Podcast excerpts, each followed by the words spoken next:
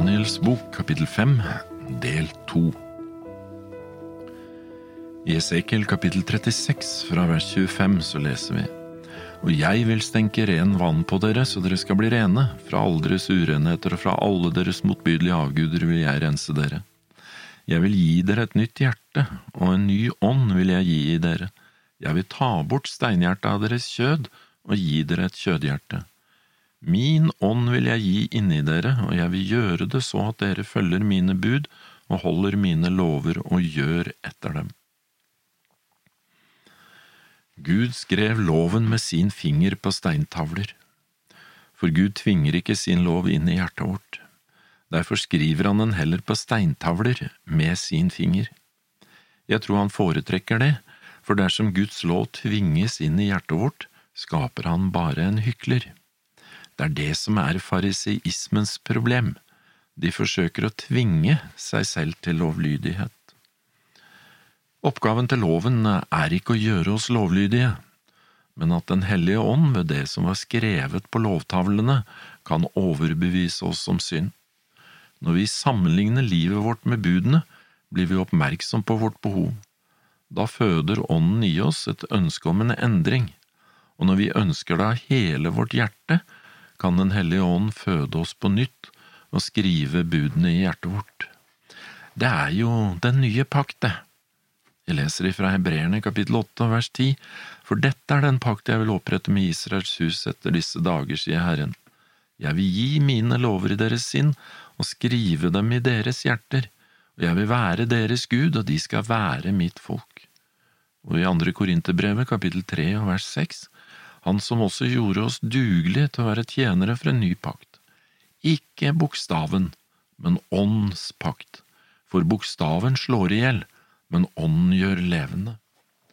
Paulus skriver så fint om dette i vers tre, for det er åpenbart at dere er Kristi brev, blitt til ved vår tjeneste, ikke skrevet med blekk, men med den levende Guds ånd, ikke på steintavler, men på hjertets kjødtavler. Skrevet bokstavelig så betyr det å gravere inn. Gud er en eh, nådig Gud. I Titus 2, 11 og 12 så står det at Guds nåde er åpenbart til frelse for alle mennesker. Den opptukter oss til å fornekte ugudelighet og de verslige lyster, og til å leve sedelig og rettferdig og gudfryktig i den verden som nå er.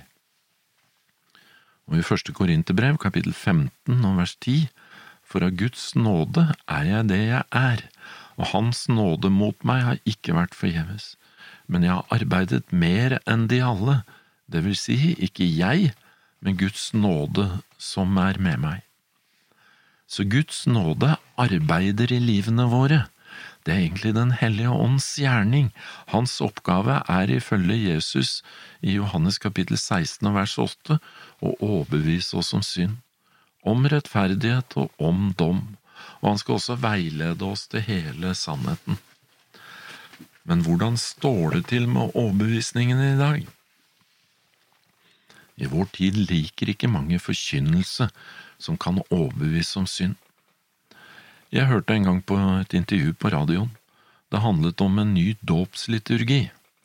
Tidligere så hadde presten brukt å lese fra Johannes 3, 16, for så har Gud elsket verden at han ga sin sønn den enbårne, for at hver den som tror på ham ikke skal fortapes, men ha evig liv. Vi kaller jo verset for Den eh, lille bibel. Men nå vil noen ta bort det med fortapelse, for det kunne gi noen dårlige følelser. De kunne komme til å tro at kirken mener at de går fortapt, Presten som ble intervjuet, han sa at Gud var så kjærlig at han hadde nok en løsning for alle, det går bra til slutt. Men er det sant? Å være overbevist om synd, det er faktisk viktig for å få en omvendelseserfaring, og det er Den hellige ånd som har fått den oppgaven å overbevise oss om synd. Det er også en del av Guds nåde. Jeg misunner ikke Den hellige ånd. Jeg har mange ganger tenkt at han må ha verdens mest øh, vanskelige arbeide, og han må være en av verdens mest tålmodige arbeidere. Men det utrolige er at når vi leser Bibelen, så ser vi at Den hellige ånd ofte bruker mennesker til å formidle noe, til å hjelpe til en overbevisning. Men det er ikke bare Den hellige ånd som bruker mennesker. Når Den hellige ånd overbeviser om synd, så vil den også vise deg til Jesus, som jo er løsningen på syndens problem. Mens sjelefienden, han overbeviser om synd, så driver han mennesker ofte til fortvilelse. Mennesker som eh, er i hans tjeneste, er ikke så opptatt av din frelse, de er mer opptatt av seg selv og sin egen selvrettferdighet. Vår Herre kalte Natan til å gå i rette med David da han hadde syndet. Og Peter ble brukt av Den hellige ånd på pinsedagen i Apostlenes gjerninger kapittel 2, fra vers 36, til å gjøre folket oppmerksom på synd. Og jeg bruker ordet oppmerksom bevisst, for Peter kan ikke overbevise noen. Det er det Den hellige ånd som må gjøre. Så Peter bare gjør oppmerksom det Peter sa, det var så skal da hele Israels folk vite for visst at Gud har gjort både ham til Herre og Messias, denne Jesus som dere korsfestet. Peter talte drevet av Ånden, og de ble overbevist om sin synd. Det står i vers 37, men da de hørte dette, stakk det dem i hjertet, og de sa til Peter og de andre apostlene, Hva skal vi gjøre, bredere? Når det er Den hellige ånd som overbeviser om synd, så viser den oss alltid Jesus samtidig.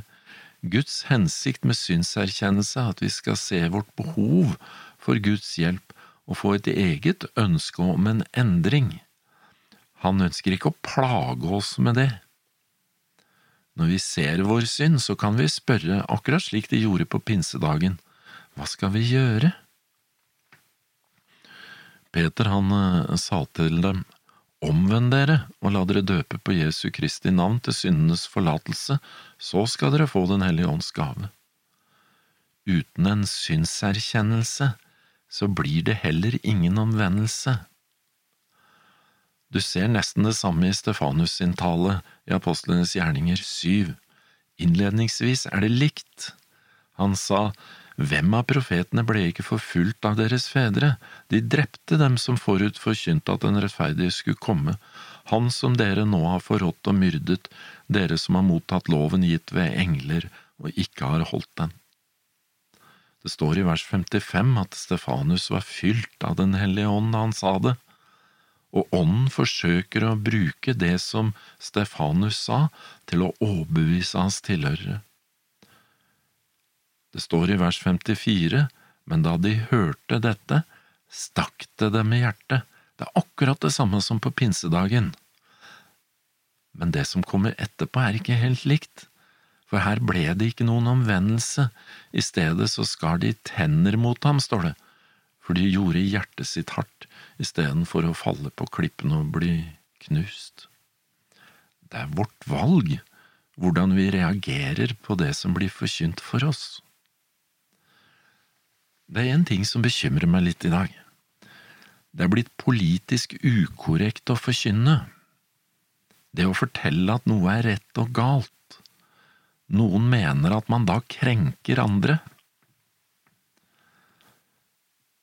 Når det er galt å si noe om rett og galt og noe som kan krenke andre, vil resultatet bli et samfunn som er ukorrigerbart. Nå mener ikke jeg at man skal gå rundt og krenke og provosere folk, men jeg tror det er viktig å balansere ting. Daniel sto overfor et veldig vanskelig valg her i det kapitlet vi studerer. Når vi leser videre i historien, skulle han eh, da åpent og ærlig si til kongen det som Vår Herre hadde åpenbart for ham og pålagt ham, eller skulle han tenke at det vil nok komme til å krenke kongen? Hva gjorde Jesus? Jesus sto av og til overfor veldig vanskelige valg. Han møtte også mennesker som leita etter noe å ta han for. I Johannes kapittel åtte så kommer de skriftlærde og fariseerne slepende med en kvinne som er tatt på fersk gjerning i hor. De ville sette Jesus på prøve, og de sier i vers fire, Mester, denne kvinnen er grepet på fersk gjerning i hor. I loven har Moses påbudt oss at slike kvinner skal steines. Hva sier nå du? Uansett hva Jesus hadde svart, så hadde de anklaget ham. Så Jesus svarer ikke verbalt, isteden så bøyer han seg ned, og så skriver han nettopp med sin finger på jorden. Jesus var Gud, men han var også menneske. Han er Immanuel, Gud med oss. I Daniels bok her så leser vi at det kom til syne fingre av en menneskehånd. Når Jesus bøyde seg ned og skrev med fingeren på jorden, var det en menneskehånd som skrev. I historien så er ikke Jesus så opptatt av å forsvare seg selv. Det Jesus gjør, er heller ikke, som mange tror, å forsvare kvinnen. Han kommer ikke med en lang tale eller en tykk bok for å sette på plass sine motstandere. Han ønsket å vinne dem. Men de har sin egen agenda, de lever i sin egen verden, det står at de fortsatte bare å spørre ham. Da rettet Jesus seg opp, og så sa han til dem, Den av dere som er uten synd, han skal kaste den første stein på henne. Så bøyde han seg ned igjen og skrev på jorden. Og nå må vi skjerpe sansene litt, for det står i vers ni, men da de hørte dette, gikk de bort, en etter en, de eldste først. Jesus ble alene tilbake med kvinnen som sto der. Så hva var det de hørte? Var det det Jesus sa om å være uten synd og å kaste stein? Skjønte de at de ikke var uten synd og ikke hadde rett til å kaste stein, eller har det noe å gjøre med det fingeren skrev? Med den lille stemmen inni oss, som av og til sier noe til oss, som vi kaller for samvittighet, og som forsøker å overbevise oss om synd. Jeg tror at det Jesus gjør, er å gi anklagerne en mulighet til omvendelse. Han samarbeider med himmelen, for Jesus skriver fysisk med sin finger, mens hans finger i overført betydning, Den hellige ånd, virker i hjertene til anklagerne. De ser sin egen synd. Det går ikke så tydelig fram i den norske bibelen, for det står ikke noe om hva Jesus skrev i sanden. Men dersom du leser den engelske King James version, så står det i vers 9 And they which heard it, being convicted by their own conscience, went out one by one. Hans finger, Den hellige ånd, det var nok hans tale de hørte, og det overbeviste dem. Men istedenfor en umiddelbar omvendelse så reagerer de med å trekke seg bort. De måtte være veldig overbevist, for de har det travelt, og de dropper anklagen mot kvinnen, og de avlyste også prøven de ønsket å sette Jesus på. Jeg tror det var et samarbeide mellom himmelen og Daniel også, idet han står overfor kongen. Guds finger virker i kongens sinn, og Guds ånd bruker Daniel i et forsøk på å nå kongen.